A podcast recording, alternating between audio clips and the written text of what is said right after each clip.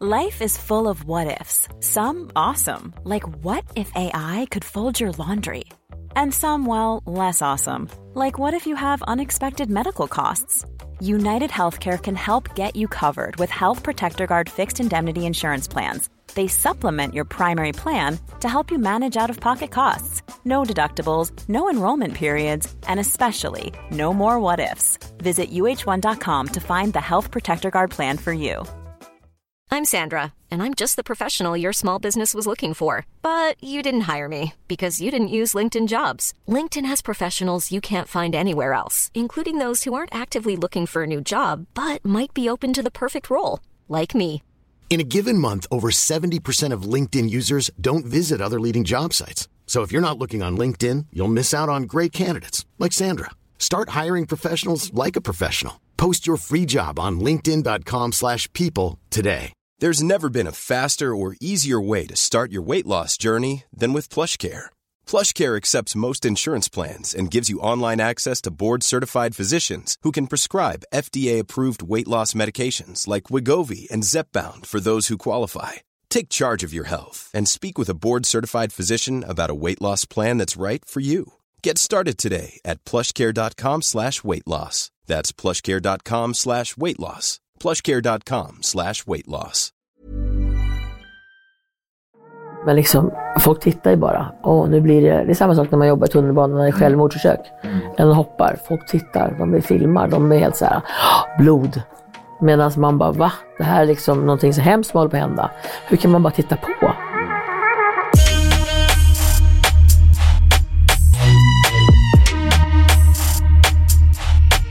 Hej och välkommen tillbaka till Dialogiskt. Mitt namn är Viktor och jag är som vanligt er host. Som sagt, vi vill säga att vi är tacksamma över att ni subscribar, delar, men framförallt tipsar era nära och kära om vår fantastiska kanal. Som sagt, ni är en del av vår livlina. Den här veckan har vi fått äran att eh, få besök utav en eh, föreläsare, författare, influencer, men det ville hon inte att jag ska kalla henne. Eh, men framförallt så vill jag säga att det här är en humanist av rang. Välkommen till Dialogis. Tunnelbanenettan eller Jeanette Höglund? Vilket känns tryggast? Jeanette Höglund, hej. Hej Jeanette Tunnelbanettan är Höglund. ju liksom sociala medier. Liksom. Men Ja. ja. tunnelbanettan, det var ju liksom en roll. Mm. Eh, influencer var vi lite inne på tidigare innan vi började. Så här. Eh, känslan att bli kallad influencer? Alltså på ett sätt så, jag är inte influencer för skönhetsprodukter, jag är mer influencer för våra äldre. Att få in pengar till dem. Så man kan ju faktiskt säga att jag är influencer på ett sätt. För jag jagar ju pengar till vår verksamhet. Ja. På ett sätt.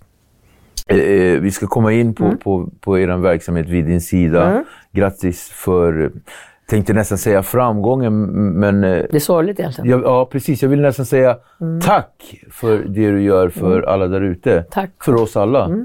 Och så, det är jättefint och så. Den här sidan av att vara en eh, eh, humanist eller vad ska man kalla filantrop. Eh, var kommer det ifrån? Alltså det har inte varit min vision sådär att vara en sån eller utan det har bara halkat in. Det är väl en röd tråd till min barndom kanske. Att jag gillar att hjälpa och att se människor, inte bara passera liksom. Så att det har bara blivit så. Att jag kan inte blunda. Nej. Jag måste se och jag gillar inte orättvisor och jag gillar inte att bara vara en sån som tittar ner i sin telefon. Utan jag vill gärna se vad som händer runt omkring. Hur, hur var du när du var yngre? Var du väldigt så Jag här... hade ingen telefon då som Nej, men, nej, men, nej, men jag tänkte, Ja. jag tänkte säga, men Ja. inte när jag var... Nej. Nej men jag har alltid varit en lite så här, jag kommer från en liten ort och där spelade vi fotboll och åkte moppe liksom. Och man satt på trappen in i byn och träffade killarna liksom. Det, det var bara, det fanns ingen ondska på samma sätt liksom. På den, det var inte samma hårda mobbing, samma hets att se ut på ett visst sätt utan det var okej att vara som man var. Så att jag är lycklig för min barndom på många sätt. Sen finns det en mörk sida också men Ja. jättefin barndom på många sätt och att ha vänner och kompisar i skolan som man gör saker. Man umgås, man sitter inte hemma och spelar dataspel utan vi Nej. spelar fotboll och åkte iväg på ja, massa roliga saker. Okej. M- Men jag tänker så här, du, du ger ett sken av att, ett sken, alltså ett intryck rättare sagt, av att vara en person som är ganska bestämd i när du bestämmer dig för att göra saker. Visste du väldigt tidigt vad du ville göra i ditt liv eller var det liksom Alltså jag visste att jag ville jobba inom säkerhetsbranschen. Jag visste att jag skulle bli polis, brandman eller livvakt. Det var visste du från start? Det visste jag. Min pappa var i säkerhetsbranschen, så jag vill också vara det. Mm. Jag har alltid varit en pojkflicka. Liksom inte varit det här som vill gå och drömma och bli modell. När jag var 18 år så vart jag upptäckt och skulle vara modell egentligen. Lång är du. Ja, jag skulle åka till Paris och allting, men det är inte många som vet. Jag med Fröken Sverige. ut- Alltså, men det är inte min grej. Alltså, det är inte, jag gillar att äta, jag gillar röra. Jag, jag, gillar, jag vill inte se på ett visst sätt. Jag vill vara som jag är. Så att, att någon ska styra över hur jag ska se ut eller hur jag ska vara, då blir man tvärtom. Så att nej, det var inte min, min väg att gå. Jag gillar mer det här att pojkflicka, utmana mig själv, göra så här spännande saker. Men utöver det så, så har ju du ändå, så valde du, du blev ju väktare tidigt. Ordningsvakt. Ordningsvakt. Eh, Du har stått på Café Opera. Ja, många Eh, herrans år. Många år. Så att det blev ändå väldigt tydligt för dig, det som du ville bli Mm. från början. Men vad var det som fick dig dit? Ja, alltså grejen var så att bara bli dörr... Jag var så här från Hälsingland och att se kändisar i tidningar och bara wow. Så jag jobbade på polisen då 91 till 97 och så åkte jag med. Alltså jag var civilanställd inom polisen. Okej, så som utredare? Arrestvakt. Okej, Arrestvakt. Mm. Och så åkte vi, jag fick jag följa med ibland med polisen när vi åkte ut så det var tråkigt inne på stationen. Mm. Då åkte vi förbi Café Opera och det har man ju läst så mycket om och sett och jag var så här wow. Aldrig varit där liksom. Och var det precis när du hade flyttat till Stockholm? Ja, men nästan. Eller ja, 91 där då. Ja. Ehm, och då så säger Heidi till mig så här, vi åkte förbi Café Opera och så kommer Heidi fram till dig och så vevade i polisbilens ruta gjorde de och så frågade de, allt lugnt ikväll? Så jag bara, åh vad coolt, säger jag, så gick fram huvudet mellan sätena. Och hon bara, är du ordningsvakt eller? Jag bara, ja, för jag, för jag var ju det då Ja. också. Hon bara, då kan Heidi. Du, Heidi Westring som var dörrchef där på Café Ja. Opera. Så hon bara, men då kan du provjobba här någon gång. Jag bara, alltså det, vet, det var ju som en Du uppenbarelse. tappade det helt. Jag tappade helt. Jag satt i bilen där bak här, och var helt lycklig. Sen fick jag komma och provjobba på helgen. Sen vart jag där på helgerna i samband med att jobba på polisen. Då. Så att 97 så varslade de ju 700 civilanställda tror jag det var. För att det liksom sparas pengar inom polisen. Så då gick jag över heltid på Café Opera och jobbade. Så att um, den vägen var det. Okej, men, men vad, vad har du för... eh, Om du får beskriva din egen karaktär. Nu vet ju vi ganska mycket eh, tunnelbanan, så, så vi vet ju hur du var. Du är ganska rak, eh, kärleksfull, mjuk. Eller tuff kärlek kan jag Ja. kanske säga. Att den egenskapen Jag lindar inte in och Nej. som håller på med så här lullull. Utan jag är rak, men jag har mycket kärlek att ge. Och jag vill att man bemöter på samma sätt, rak och ärlig. Men liksom, jag ser, jag ser människor. Jag ser dem inte bara för yttre. Jag försöker se dem på insidan också, öppna upp själva boken. Och är, och är det någon skillnad på att vara en dörrvakt och att vara en ordningsvakt? För det är mycket frågor jag... jag, jag folk har ju undrat de här Mm. frågorna. Alltså dörrvakt, men då kan man stå som civil, alltså inte utbildad. Idag är det ju entrévärdar då, som heter det. Man måste ju ha någon slags väktarutbildning tror jag idag för entrévärd. Men dörrvakt låter ju väldigt, jag tänker så här Paul Roberto, dörr, då tänker man lite tuffare. Jag var ju ordningsvakt på krogen, men man blir ändå kallad dörrvakt. Vi är det första de ser när de kliver in och det sista de ser när de går ut. Sen är det OV. Exakt. Okej. Kan, det, kan det vara så här att... Eh, farsan till exempel, kan det, kan det vara att eh, från, di- från din farsas håll att han eh, kände så här, shit, nu har jag inte tappat min dotter ut till, till det livet som jag Ja, levde. han var med så han tyckte det var kul. Han tyckte det var han kul. gillade att jag jobbar inom säkerhet. Han tycker det, du är tuff Jeanette. Det var han som lärde mig liksom hur man skulle försvara sig. Mm. Men hans mamma är så här, oh vad läskigt hon levde. Hon var så här, allt jag gjorde, hon bara, åh, så här, hon var orolig alltid för mig. Hon bodde i Färila, liten mamma på 1,56. Mm. Hennes stora dotter ska ut i stan liksom. Så att pappa var så här, men det fixar hon. Mm. Och mamma var så här, jag är så orolig.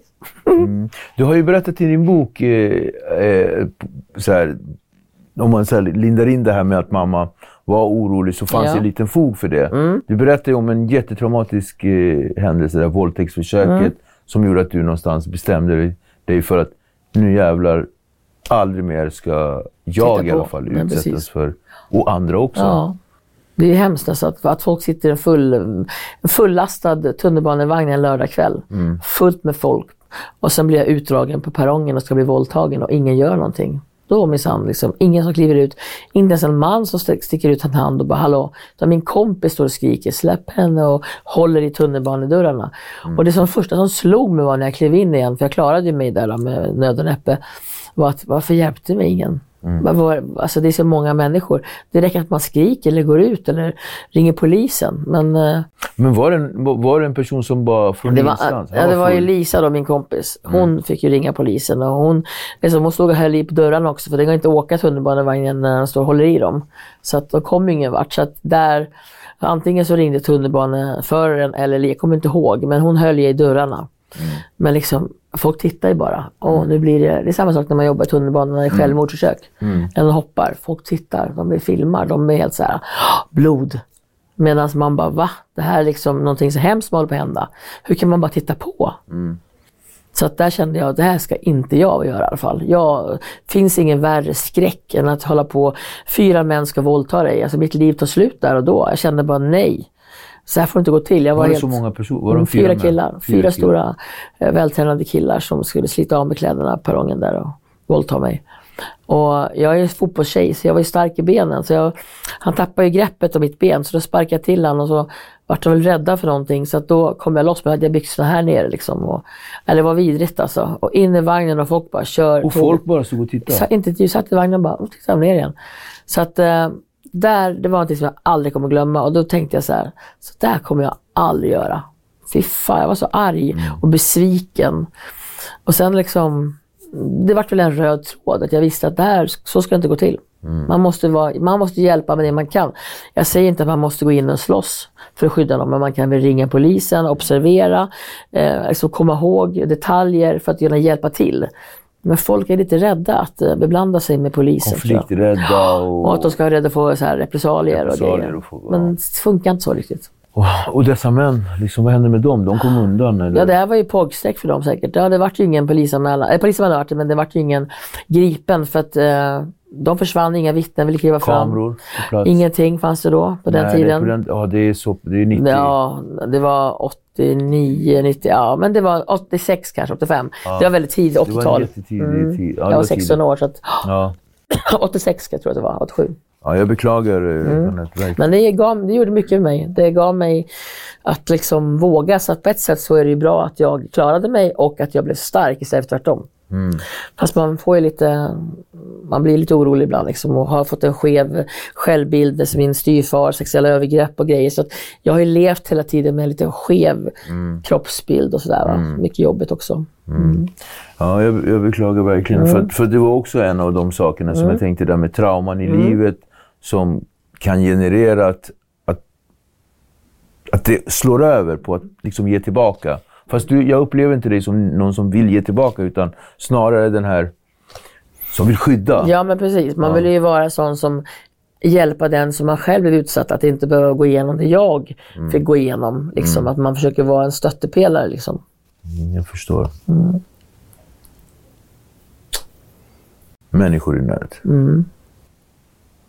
Till att börja med vill jag säga eh, grattis till, grattis till eh, årets alltså Librispriset. Mm, det var roligt. Det trodde jag aldrig.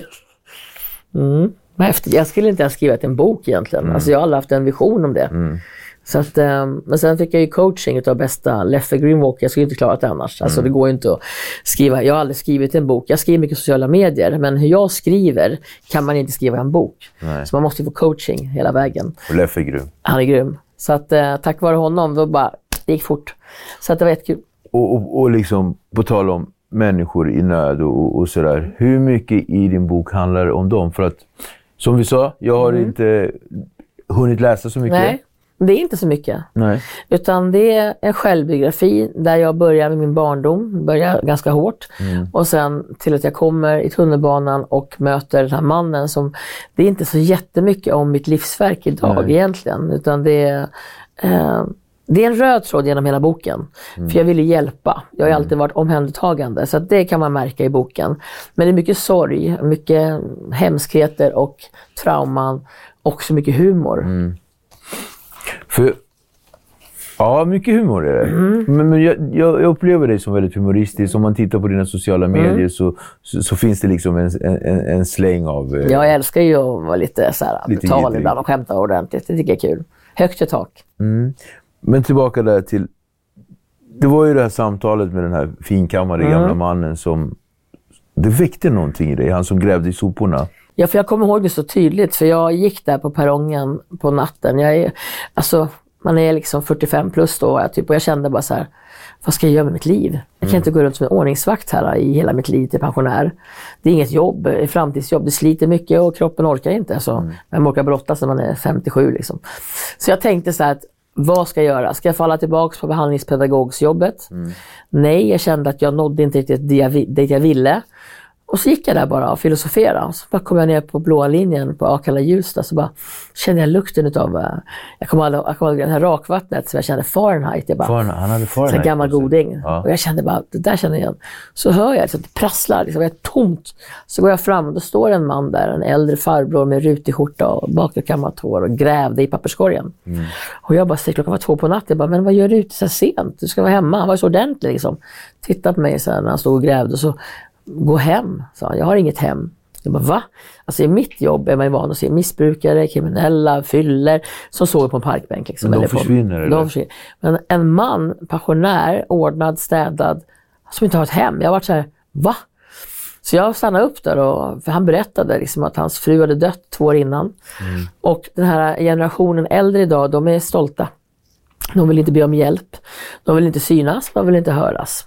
Så att han hade inte berättat för sina barn ens att han inte kan betala räkningarna hemma. För att de var ju lika dyra som när hon och han levde tillsammans, men då hade de ju två pensioner. Mm. Men hade de bara en, den försvann ju efter ett år, den statliga hon hade. Så att han vägrade att be om hjälp till sina mm. barn och barn. Han vägrade, så han lämnade sitt hem det viktiga för honom var att han hade lite pengar så han kunde skänka till barnbarnen när de fyllde år. Liksom.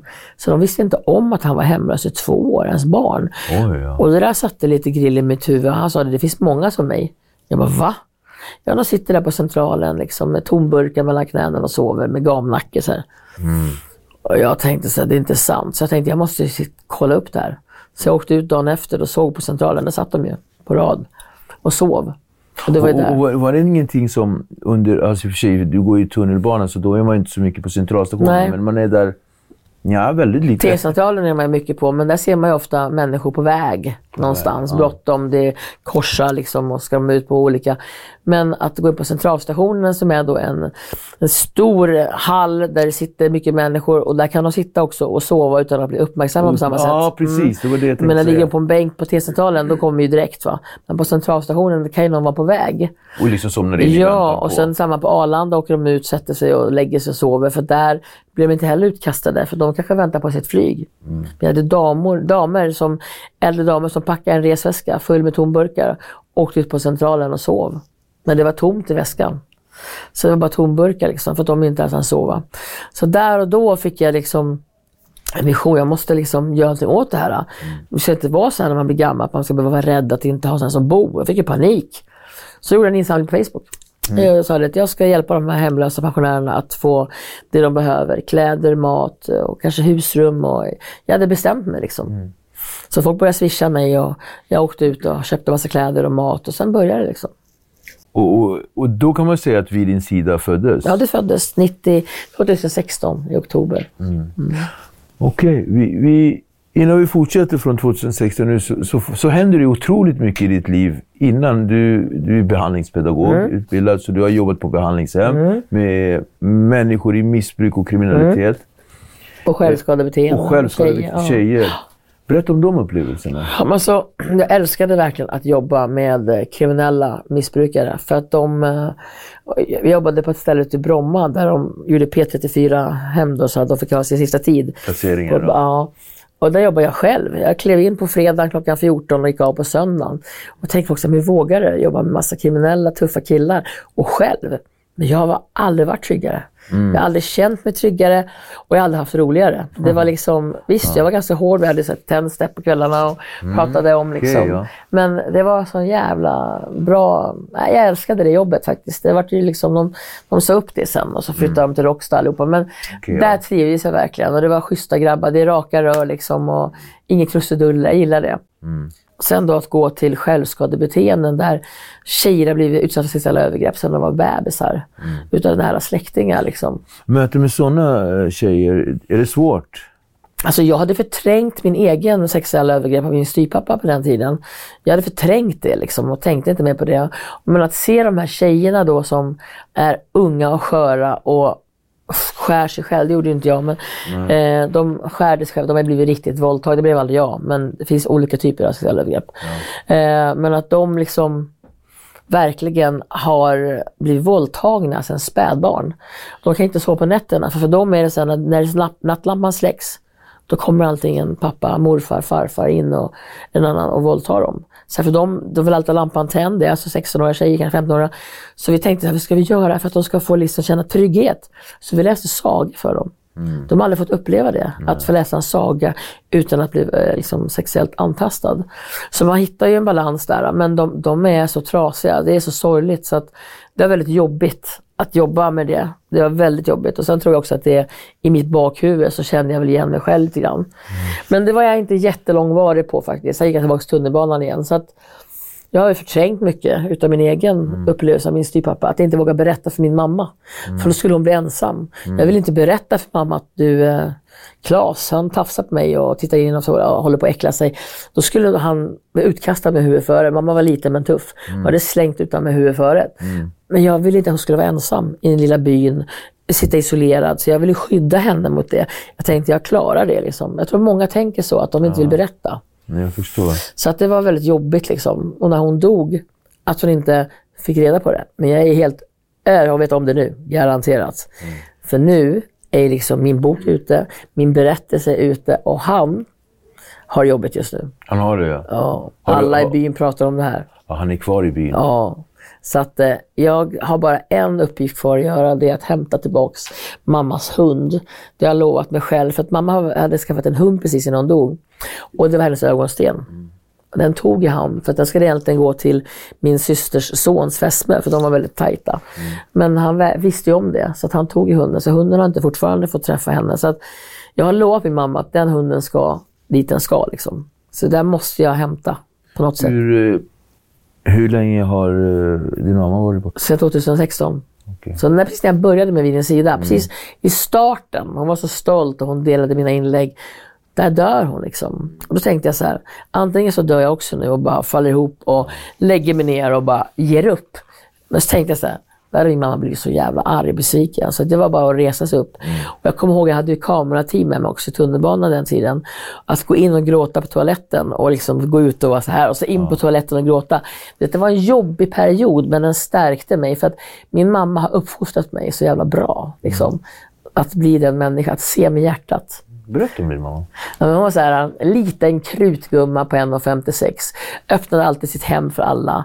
Eh, liksom, man kunde, jag berättade allt för henne, utom det. För det var liksom att skydda henne. Men hon var verkligen, alla älskade min mamma. Så det var så orättvist att hon, en bullmamma var det, men att det var så orättvist att hon skulle liksom dö bara sådär och inte han som en gris liksom. Och där, blev jag så här, där var jag så arg på Gud och bara hatade Gud. Så att när prästen kom och skulle prata med oss, då sa jag, jag vill inte prata med dig. Jag var så arg. Du var så arg. Men sen fattade jag liksom att nej, alltså nu får du skärpa dig. Mamma har inte ont längre, hon mår bra. Och sen liksom bara, jag kan fortfarande gråta helt plötsligt så här, och bara mamma. Men sen känner jag mig så stark, känner mig glad ändå att jag fått en så fantastisk mamma. Och växt upp med så fin mamma. Det är inte alla. Man väljer inte sina föräldrar. Det är ett lotteri. Jag hade tur med min mamma. Ja. Mm. Du, ja. Det låter ju som... Men pappa och mamma skildes när jag var väldigt liten. Så pappa och jag har en väldigt fin kontakt också. En jättefin kontakt har vi. Den blev starkare med åren. Och när mamma dog klev han verkligen in som en fram. pappa. Precis. Så det var, jag, jag är jättelyckligt lottad idag. Tunnelbanan. Där blev ju du ändå tunnelbanenettan med Ja, hela svenska. Helt sjukt. Förresten, tack för att du delade med dig. Ja, tack. Tack, jag har varit lite oartig där. Eh, nej, men jag flög Nej. iväg just i det här Ja, ja, ja. Med, med relation till en mamma. Ja, och- mamma är och vårt väderstreck. Ja, mångas väderstreck. Det var mitt väderstreck. Det var min, min liksom, genom livet. Hon skulle finnas med länge till. Men så kom tunnelbanan. Ja. Och, och där fick ju du utrymme att vara den du är.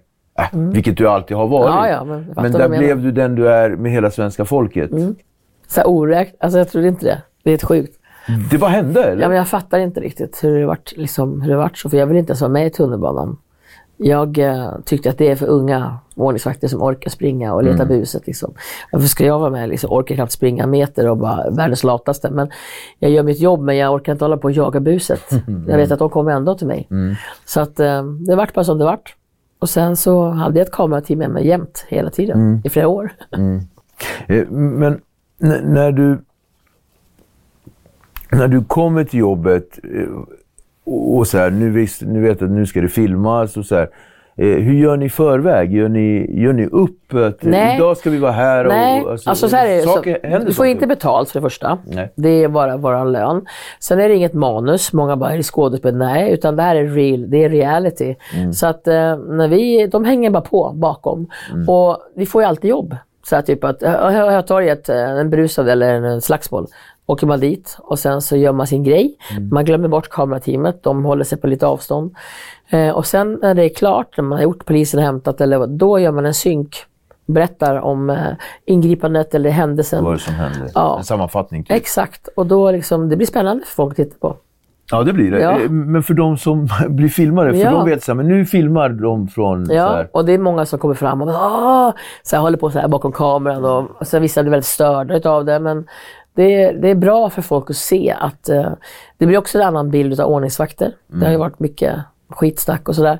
Men jag tror att det varit ganska bra bild av både poliser och ordningsvakter i det här programmet. Lite grann faktiskt.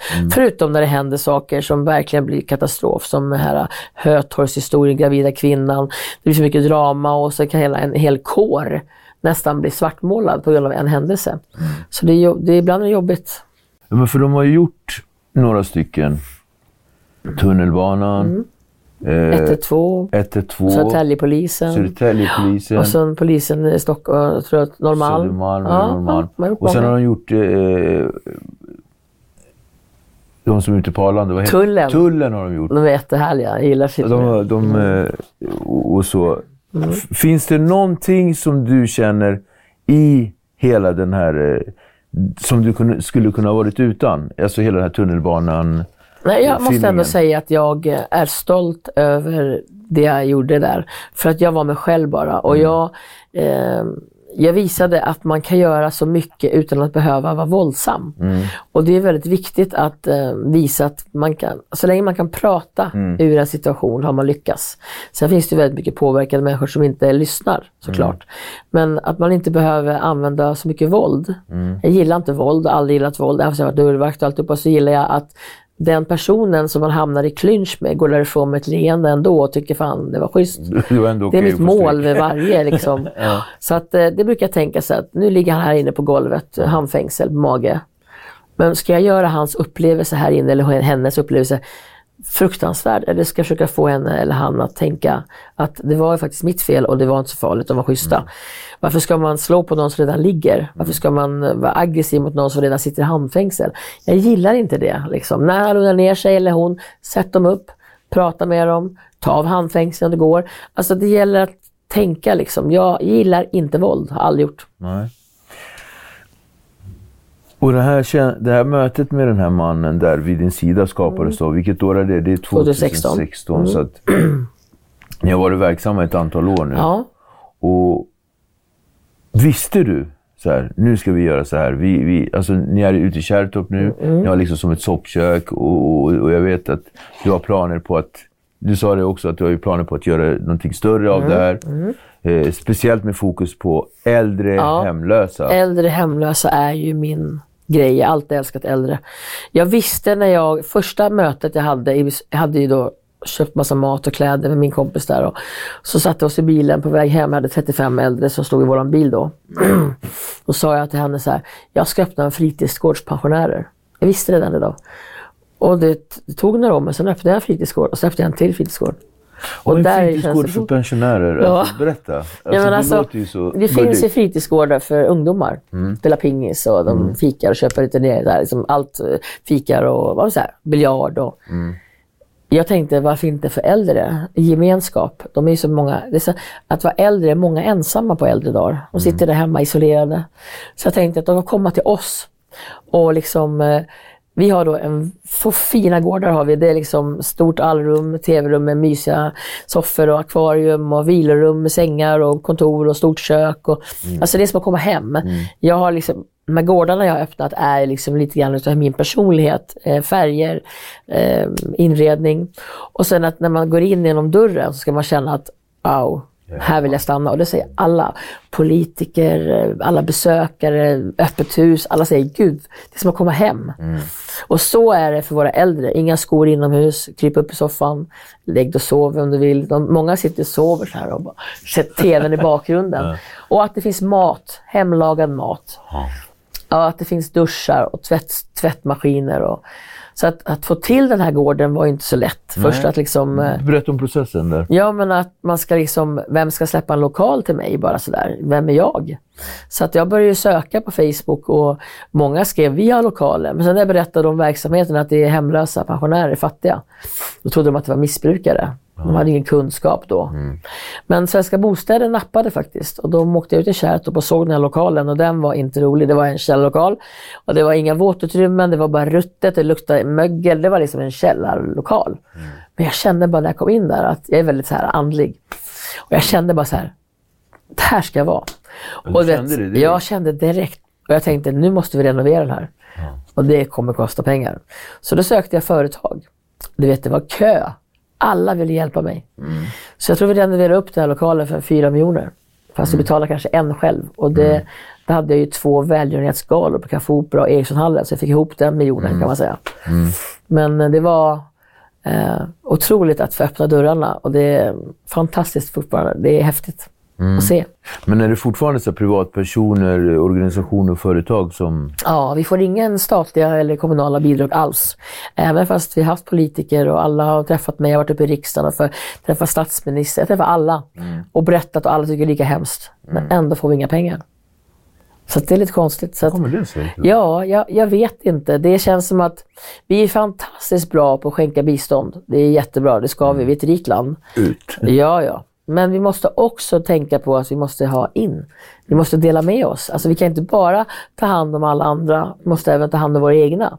Så jag känner, dela med oss. Alltså, kan vi inte få lite också av kakan? Mm. Stadsmissionen får ju pengar, varför får inte vi pengar? Och ändå Vad är det som liksom- gör er skillnad på stadsmissioner? Ja, de är väl mer, jag vet inte liksom faktiskt. Jag, har inte, jag är lite så här. Bostället har vi flera. Ja, Men är det massa. att det de är ju fokus- jättebra för de hjälper ju alla. Ja, ja, ja. De hjälper alla och det är jag- därför, jag tror därför de får det. För att de hjälper alla. De hjälper alla. Mm. gör inte skillnad. Jag gör skillnad. Jag gör otrolig skillnad för jag hjälper bara 60 plus. Mm. Det är bara det jag gör. Och det är det jag tror att många tycker att Nej men det är inte bra. Det är absolut inte bra. Men jag känner, att, jag känner att jag vill fokusera på en målgrupp. För då kan jag göra större skillnad. Jag kan göra punktinsatser. Vi kan göra liksom särskilda grejer. Om vi ska hjälpa alla, då kan inte jag riktigt fånga upp. Så jag har valt det. Och det är därför jag får också jobba hårdare för att få in pengar. För, för jag tänker så här, det finns väl en tanke hos dig att göra en skillnad på dem, alltså att försöka förändra äldrevården. Ja, verkligen. För det gamla traditionella eh, ålderdomshemmet har ju liksom någonstans Men borta. fejdat Det är svindyrt att bo på ålderdomshem idag. Mm. Folk har inte ens råd. Jag menar, vi har fått in ett par stycken på ålderdomshem och det kostar liksom 15-16 tusen. Pensionen räcker inte för du måste ta med städ och mat. Mm. Du får inte välja själv nästan. Liksom. Hur mycket betalar en... Betalar de allt själva? Alltså, Ja, de, hela pensionen går ju till det. Men sen kan ju de många söka bostadstillägg och grejer, men det vet ju inte de äldre hur man gör. De vet inte hur man gör. De har inte ens bank-id. Tänkte Så vad händer med systemet att hjälpa och fånga upp de här? Jag menar, jag, jag, om jag fick ge mig in i politiken så skulle jag gå in direkt och se till att när en dör, en partner dör eller en äldre som varit gift med i 40 år, att man går in, inte som en god man, men att man går in och kontaktar den här människan och säger nu vet jag, jag beklagar din man eller hustru har dött här och nu ska vi se till att det blir bra. Att du kan betala hyran, att du fixar bank-id, att du hjälper till. Men det görs inte. Nej. Så de sitter där hemma med sin knapptelefon. De vet inte hur man betalar räkningar. De vet inte hur man betalar hyran. För det kanske frun har gjort eller mannen. Då, och så kan det vara så att en hemmafru har varit gift med sin man hela livet och tagit hand om barnen. Hon får ingen bra pension. Nej. Så att de glöms bort. De försvinner. Då sitter de hemma och är vräkningshotade. Räkningarna kommer på hö, hög. Kylskåpet är tomt. Det är så många sådana. Vad händer med en människa, en äldre person som blir vräkt? Alltså de här, de hamnade på gatan. Vi, alltså, vi har varit hemma, jag tog med mig Ebba Busch faktiskt till en kvinna eh, som vi har, för det var under valkampanjen. Jag tänkte nu ska hon få se på riktigt. Jag gillar henne Ja. jättemycket. Så jag tog med henne dit. Och hon släppte allt, följde med ut och sen så, för jag visste, för den här kvinnan är 80 år och hon, jag brukar alltid dela ut matkassar. Vid varje månad så skickar vi ett presentkort till pensionärer på 1000 kronor. Vi har säkert ett gäng på 20 stycken, så det är 20 000 i månaden bara där, 1000 kronor per skalle. Så de kan handla extra mat. Och den här kvinnan, jag frågar henne så här, jag kommer alltid ett soppkök, frågar så här, men du, vill du inte ha en matkasse hemlevererad istället för att komma hit? Nej, men jag tycker det är trevligt att få sociala biten, hon är ändå 80 år. Men jag bara, men kan jag inte komma hem till dig så får du hem en matkasse? Så kan du lägga in maten i kylskåpet och slippa. Och så kom hon veckan efter och sa, jag kan inte ta emot den här matkassen. Jag varför inte då? Jag har inte haft kylskåp på tre år. Men gud. Och jag bara, va? Så jag bara, får jag komma hem till dig? Hon bara, ja visst får du det. Så jag åkte hem till henne, hörde av mig till Ebba Busch, nu får du följa med mig. Så Säpo kom och alla där. Jag bara, ni behöver inte följa med upp, utan jag och Ebba går upp. Ja. Så går vi in till henne. Alltså det var en misär. Och då kände jag direkt, här har vi en kvinna som har känt, tappat liksom hoppet. Hon har liksom, kylskåp och frys var helt mögligt, det luktade, det var avstängt. Maten låg liksom huller och buller. Möblerna var helt nerslitna, tapeterna hängde. Det var liksom en sån gullig kvinna och klar huvud, skarp, snabbtänkt. Men så ensam och inte våga be om hjälp. Så jag tänkte så här, det här, och Ebba och jag, vi fick gå ut och vi började gråta bägge två. Det här är inte okej. Det var så hemskt. Så jag startade en insamling faktiskt på Videns sida och sa att nu har jag varit med om det här och sänder live, jag alltid. Vill ni vara med och hjälpa henne att få tillbaka sin värdighet i livet? Vi fick in 200 000 på några dagar. Så att vi renoverade upp hela hennes lägenhet, köpte kyl och frys, köpte nya möbler. Och så sa Ebba så här, får jag komma tillbaka sen? Allt? Jag bara ja. Så vi fikade här för ett tag sedan och satt hemma hos henne. Och hon är så lycklig och sa, ni har gett mig tio år till. Så det är så fint att se att det skulle vi aldrig kunna om, om man var styrd av kommuner och grejer. Va? Så på ett sätt är det bra att vi kan göra lite som vi vill. Men eh, det är så många, hon är bara en utav alla. Hon vågar berätta. Jag tänker på alla som sitter där som inte vågar berätta, som har det som henne. Det är så mycket ensamhet och det dödar också. Vad ser du som den största vinsten för dig? Är Att den- jag har är- ett hem, att stänga min dörr. Att jag, jag har liksom ingen bostadsrätt, en hyresrätt. Men jag är lycklig. Jag är otroligt lycklig lottad att jag kan göra det. Och att jag liksom också varit lite materialist. Jag var på kaféet, man såg mycket pengar och flöde och det var, alla var snygga och märkesgrejer. Jag var också så här, wow, jag vill också. Men när man börjar med det här så får man ett annat perspektiv på livet och tänker att det är faktiskt inte det viktiga. Pengar kan man köpa lycka, absolut. Ja, absolut. Men har du tips till någon som skulle vilja få igång någonting som... Nej, men så hjälpa se, ja, men, jag brukar säga det till de här äh, som vill, hur gör du liksom? Mm. Jag brukar bara säga, titta upp och se dig omkring. Stanna till, ser ni någon som sitter och mår dåligt, gå fram och fråga hur den mår. Mm. Att bara vara en människa, lägga en hand på axeln och våga fråga hur är det? Mm. Så kommer det komma till dig. Liksom. Har din position eh, gjort att du har blivit någon form av ängel som du inte kanske riktigt vill ta till? För mig är det så här att jag, jag skulle inte klara det här utan mina, mina medmänniskor, mina organisationer vid din sida, alla volontärer. Alla, skulle, jag, är, jag, jag, liksom, jag är den idésprutan och kreativ, de är mina muskler. Så att liksom, när folk säger så här, åh du är en ängel Jeanette. Ja men glöm inte de här som bredvid mig. För utan dem vore jag inte en ängel. Så att för mig är det så här, om vi kan hjälpa våra äldre och de är glada, och det, då är jag lycklig. Liksom. Men ängel, nej, vi är goda medmänniskor som alla ska vara. Ja, men, men jag tänker kanske lite mer på så här, har du, på grund av den eh, glorian som man har gett dig, eh, blir det att du kanske mer måste tänka på vad du säger och vad du gör och lite sådär? Du måste... Ja, men jag är ganska stor på sociala medier nu. Ja. Vår Facebook når ut till en miljon människor. Min, Instagram. Och det, det är många. Jag, man måste tänka förebild också. Jag har ju mycket unga som följer mig eh, på grund av tunnelbanan. Jag måste tänka på, jag pratar mycket om mobbing och jag pratar mycket om hets och utseendefixering. Blanda lite humor och lite allvar. Det är viktigt. Jag kan inte Ibland, måste jag, ibland blir jag så arg, jag vill gå in och skriva en kommentar. En, jag kommer ihåg att Margot, när det här hände, då Ja, skrev just jag en det. kommentar. Och jag tyckte om hennes sätt. hur man, hur man ska vara som medmänniska. Och det vart ju massa, flera tusen likes på det. Och även såklart lite negativt, men då vart det lite uppringd av TV och det vart lite... Ja, det var den här grejen med... Med hon mannen som låg utanför. dörren. Och då kände jag så här, var det dumt att jag gick in och skrev vad jag tyckte och tänkte?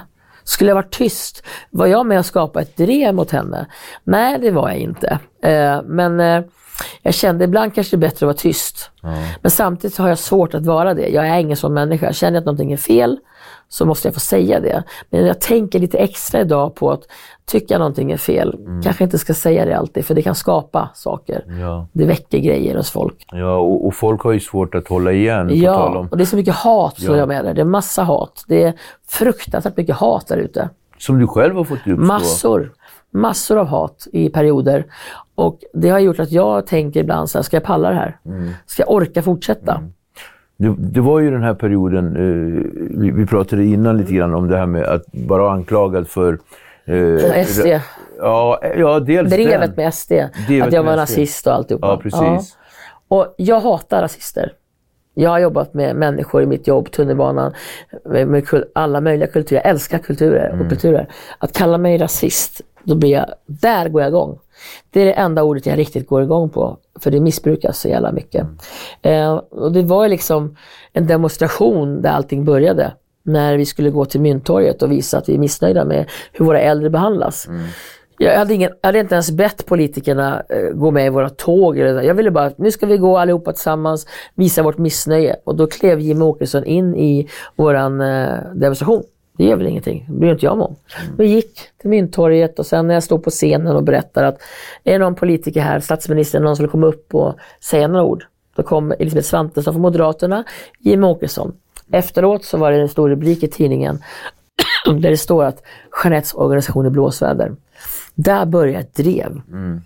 Och det var så pass kraftigt så att jag stängde igen mig i dörren. Jag, jag fick möta en sån här politisk eh, rådgivare som var duktig och möta näthat och träffa honom, hur jag skulle bearbeta, hur jag skulle svara i Det media. så jobbigt. Ja, det vart det. Jag eh, låste in det nästan. Jag kände att jag kommer inte klara det här. Men så gick jag ner till första centrum och skulle handla, för det måste man göra. Så kom det två äldre fram till mig och sa Jeanette, sluta aldrig med det du gör. Vi är så tacksamma att du kämpar för oss. Och då tänkte jag så här, det är ju det här jag kämpar för. Jag skiter fullständigt i vad tidningen skriver om mig eller vad hatarna, vad trollen skriver. Det är ju för pensionärerna jag gör Jag får inte glömma vad jag gör.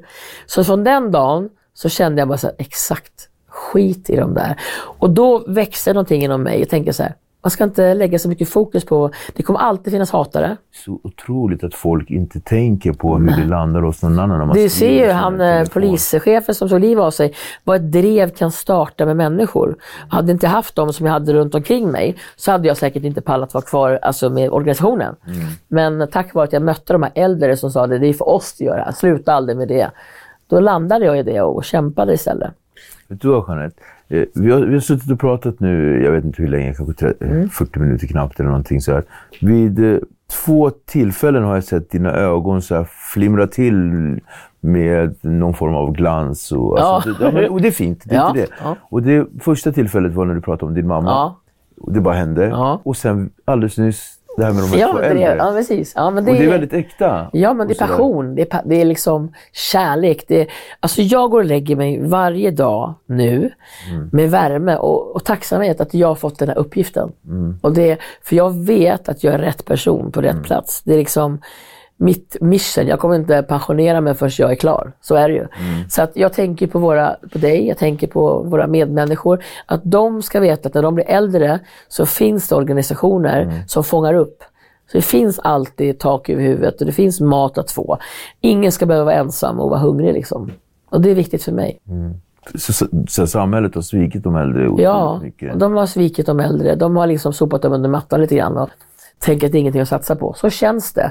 Och många lyssnar på mig när jag föreläser, sitter och gråter och de torkar tårar och, och det är så hemskt. Och, och så liksom, Men gör något då. Här får vi inte prata partifärg eller politik utan här måste alla partier gå tillsammans och göra en, en riktig insats. Det går inte att, att kasta bajsmackor på varandra och tala om att den gör si och när det är val så står de och pratar om äldre. Men gör något konkret. Sluta upp, gör något tillsammans. Det borde bildas en grupp, jag hade äldreministern på besök här för ett tag sedan. Vi sa det, bilda en grupp uppe i riksdagen där ni liksom fokuserar på vad kan vi göra för de äldre för att det ska inte bli den här ensamheten eller fattigdomen eller hamna på gatan. Det finns mycket att göra. Finns det, finns det så här...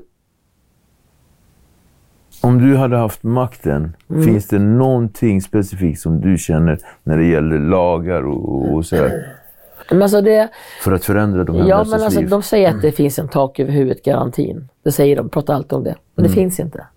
För då skulle vi inte ha hemlösa pensionärer eller hemlösa överhuvudtaget. Så att det måste bli på riktigt. Alltså, för det första så tycker jag, är man pensionär, har betalat skatt hela sitt liv och jobbat, så ska det inte ens vara närheten av att hamna på gatan. Det ska se till att det finns alltid så att du kan betala din hyra och ha mat i kylskåpet. Det är inga stora krav. Och sen att man får sänka skatten för pensionen. Alltså, du jobbar ditt liv, betalar skatt hela ditt liv och så ska du skatta bort halva pensionen. Du får inga pengar kvar. Ska, alltså jag tycker så här, det är Ja, hemskt. Visst är det? Ja, ja, faktiskt. Har du 15 000 i skatt så drar de liksom 30% på det. Det är ingenting. Det räcker inte till hyran. Nej. Ja. Och sen har du skrivit en bok. I allt det här? Mm. Ja, Alltså hur hinner du? Ja, alltså den boken var ju en terapeutisk del. Det var jätteskönt. Ja. Sen att den, att den skulle sälja så bra, ja, det, det trodde jag aldrig. Jag var lite osäker faktiskt. Men eh, jag låg faktiskt på ett första plats i flera veckor. Det var så ovanligt. Så de har aldrig varit med om det som Mondial, att de har haft någon som har legat flera veckor på ettan. Mm. Så de kallar mig Nettan på ettan. Nettan. Tunnelbanan Det kommer du på också ettan. Andersen. ja, men Ja, det men det är jättekul. Det är jätteroligt att många vill ta del av min historia. Alltså, ehm, att de får en bild av mig. För många har en bild av mig, men man får se en annan sida också. Men vad är den största missuppfattningen om dig tror du? Att jag är rasist. Alltså det är så pass? Ja, det har varit så. Många, jag ser fortfarande än idag eh, sidor på Facebook att jag bara hjälper etniska svenskar. Det, jag blir så frustrerad. Jag brukar säga så här, istället för att möta tillbaks med aggression, som man lätt kan göra när man är lite förbannad och ny och så här, så möter jag med kärlek och säger, men kom ner till vårt soppkök och så får du bilda din egen uppfattning så tar vi diskussionen sen. Men, men, alltså, har inte folk släppt en grej? För jag kommer ihåg, på Ja, tal om nu det har här det lugnat ner sig lite. Ja, på tal om det där drevet. Jag var väl... Jag har ju också en ganska stor plattform, så jag kommer Ja. ihåg, och, och så här, för, i förhållande till det du sa om Mar- eh, vad heter hon, Margot? Margot ja. så, så la jag också ut någonting. Jag kommer inte ihåg specifikt. Det var Nej. ingenting om att Nej. du var rasist, men det Nej. var någonting om det här med att hjälpa. Nej, men jag tror, eftersom jag kommer från en värld som Mm. är missbrukare och, och har varit hemlös och allt sånt där, så var det att jag relaterade till, ja, men varför hjälper man inte missbrukarna? Det handlar inte om ras, utan Mm. Nej. det handlar mer Ja. varför missbrukare och varför de gamla. Men Ja. jag, du fattar. Ja. Mm. Och då kommer jag ihåg att det gick igång som fan. Folk var inne på min sida och sådär. Sen tog jag Ja. faktiskt bort efter någon dag. Så att jag vill här offentligt också säga att jag verkligen ber om ursäkt för att inte tänka till hur det kan landa hos dig. Fast jag, idag så vet du, idag så istället för att jag ska ta det, jag, nu har jag lärt mig att hatarna kommer alltid hata. Och jag brukar tänka så här, vad jobbigt det måste vara. Vilken frustration att hata så mycket. Det måste ha mycket energi. Att vara bitter och hatisk och sitta där och skriva massa elaka kommentarer. Men mycket i det där är ju inte enbart bara hat, utan det är också väldigt mycket okunnighet. Ja, Folk är absolut. liksom väldigt okunniga. Och när man säger kom och titta, vårt, jag lägger ut bilder, jag filmar ju. Om man vill så ser man att det är inte så som Jeanette, alltså, eller som de säger, vi hjälper alla. Bara det är gammal. Men det lever ändå kvar. Det Eh, Vissa, med, vissa plattformar lever, om det till exempel står i Newsnet, de har skrivit så här, Jeanettes organisation, bla bla bla, de är så fina, de gör det här, här, idag ska vi hylla Jeanette. Och, då kommer alltid de här hatarna. Ja men hon är ju nazist, eller hon är si och så. Och då brukar jag bara skicka ett hjärta så här, med min lilla vän liksom. Kom för en kram. Istället för att bli så här, "Hörru, du, jag är inte det. Och sen försvara. Jag går aldrig in i affekt och skriver längre. Nej. Så man lär sig ju. Hatarna kommer alltid finnas. Ja, men så har vi älskarna. Ja, de är så mycket mer. Då har vi älskarna. 95% kärlek och 5% hat. Men är man en känslomänniska så ser man de här 5 procenten fattar. lite hårdare. Ja, men jag håller med. Verkligen. Årets Stockholmarpris. Det var också oväntat. Alltså, för mig är det inte viktigt att få en titel eller en, ett pris. För för mig räcker det att se när man lämnar över en påse mat och ett par strumpor och en jacka till någon, se glädjen och tacksamheten. Det är mitt pris i det här, att se glädjen. Sen om man får en utmärkelse, så klart att det bekräftar att det vi gör är bra. Att om jag får ett pris så är hela organisationen som får pris. Det är inte bara jag. För jag är ingenting utan dem. Men det är såklart att det är kul jag menar, att få lite kärlek och bekräftelse. Men också det största priset av allt är ju att se vad det gör hos den personen som får utav oss. Det är viktigare. Vad fint. Okej, men tack för ett jättefint samtal. Det var berikande faktiskt. Men jag har två små grejer kvar med dig. Jag tänker så här, finns det någonting som du känner att du värderar jättehögt, men som gemene man kanske inte gör? Som jag värderar väldigt högt. Ja, men alltså, jag värderar väldigt mycket högt i livet idag. Jag är tacksam för varje dag att man lever och är frisk. Eh, men eh, att eh, eh, värdera, att våga, att våga eh, störa. Att våga gå fram och prata med folk, att det värderar jag högt. Att man vågar visa att man bryr sig. Eller att man vågar säga till någon, så men hur mår du? Att våga lägga handen på axeln på någon som verkar se ledsen ut. Det är ingen som, när man sitter på tunnelbanan så brukar jag observera, då sitter folk bara i sina mobiler och tittar ner. Ingen tittar upp. Och jag menar, jag sitter kanske en äldre man eller en ledsen tjej eller någon som gråter. Och så bara gå fram, hur mår du? Att bara liksom fråga. Det, det, det gör någonting med människan. Otroligt mycket. Skulle jag bli jätteglad om någon frågar sig, hur mår du? Alltså att jag är så stark och glad jämt. Så det värderar jag, att någon ser. Bra svar. Jag har en till här. Vi har ju dialogiskt... logg- Bra snack. Ja, Oj. Vi har ju dialogiskt loggboken. ja, Där tidigare gäst får ställa en fråga, citat eller ett påstående till kommande gäst. Eh, och du kommer naturligtvis få göra samma sak. Så jag tänker så här. Varsågod, du kan. Det här är från en tidigare gäst. En rappare. Alawi hette han. Alawi. Från Rågsved faktiskt. Åh. Ska jag läsa vad han skriver? Ja. Vad är din främsta egenskap och hur fick du den? Alltså, min främsta egenskap tror jag har blivit idag att se människan på riktigt. Inte bara se yttre, utan även se rakt in i dig. Eh, och jag fick det av min mamma tror jag. För hon sa det, Jeanette, se alltid med hjärtat, då blir det inte fel. Lyssnar man på magen är också väldigt bra, magkänslan är jättebra, men hjärtat är det som liksom brinner. Så jag tycker det är främsta egenskap, att man vågar se människan på riktigt. Och jag fick den av min mamma. Fint. Din mamma har varit med hela, hela Jajamän. sittningen här. Hon är med hela tiden. Du Jeanette, tack så jättemycket för Tack att du själv. kom hit idag. Och Ja. Du får gärna skriva... Ska jag skriva ett? Ja. Ja, gud, jag har ett citat som jag alltid använder.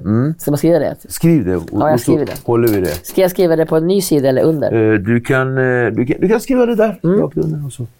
Okej. Tack så jättemycket ja, men för att tack du kom. själv. Det var berikande faktiskt.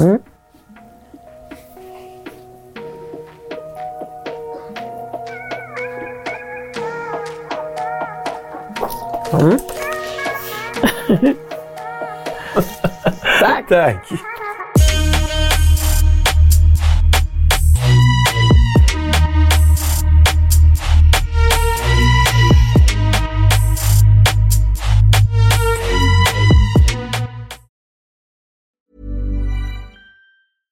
How would you like to look five years younger? In a clinical study, people that had volume added with Juvederm Voluma XC in the cheeks perceived themselves as looking five years younger at six months after treatment. Look younger, feel like you. Add volume for lift and contour in the cheeks with Juvederm Voluma XC. Reverse signs of aging by adding volume to smooth laugh lines with Juvederm Volure XC. For important safety information and to find a licensed specialist, visit juvederm.com. That's J U V E D E R M.com. Not for people with severe allergic reactions, allergies to lidocaine, or the proteins used in Juvederm. Common side effects include injection site redness, swelling, pain, tenderness, firmness, lumps, bumps, bruising, discoloration, or itching. There's a risk of unintentional injection into a blood vessel, which can cause vision abnormalities, blindness, stroke, temporary scabs, or scarring. Talk to a licensed specialist to find out if it's right for you. Hey, it's Paige DeSorbo from Giggly Squad. High quality fashion without the price tag. Say hello to Quince. I'm snagging high-end essentials like cozy cashmere sweaters, sleek leather jackets, fine jewelry, and so much more. With Quince being 50 to 80% less than similar brands. And they partner with factories that prioritize safe, ethical, and responsible manufacturing. I love that. Luxury quality within reach. Go to quince.com slash style to get free shipping and 365 day returns on your next order. Quince.com slash style.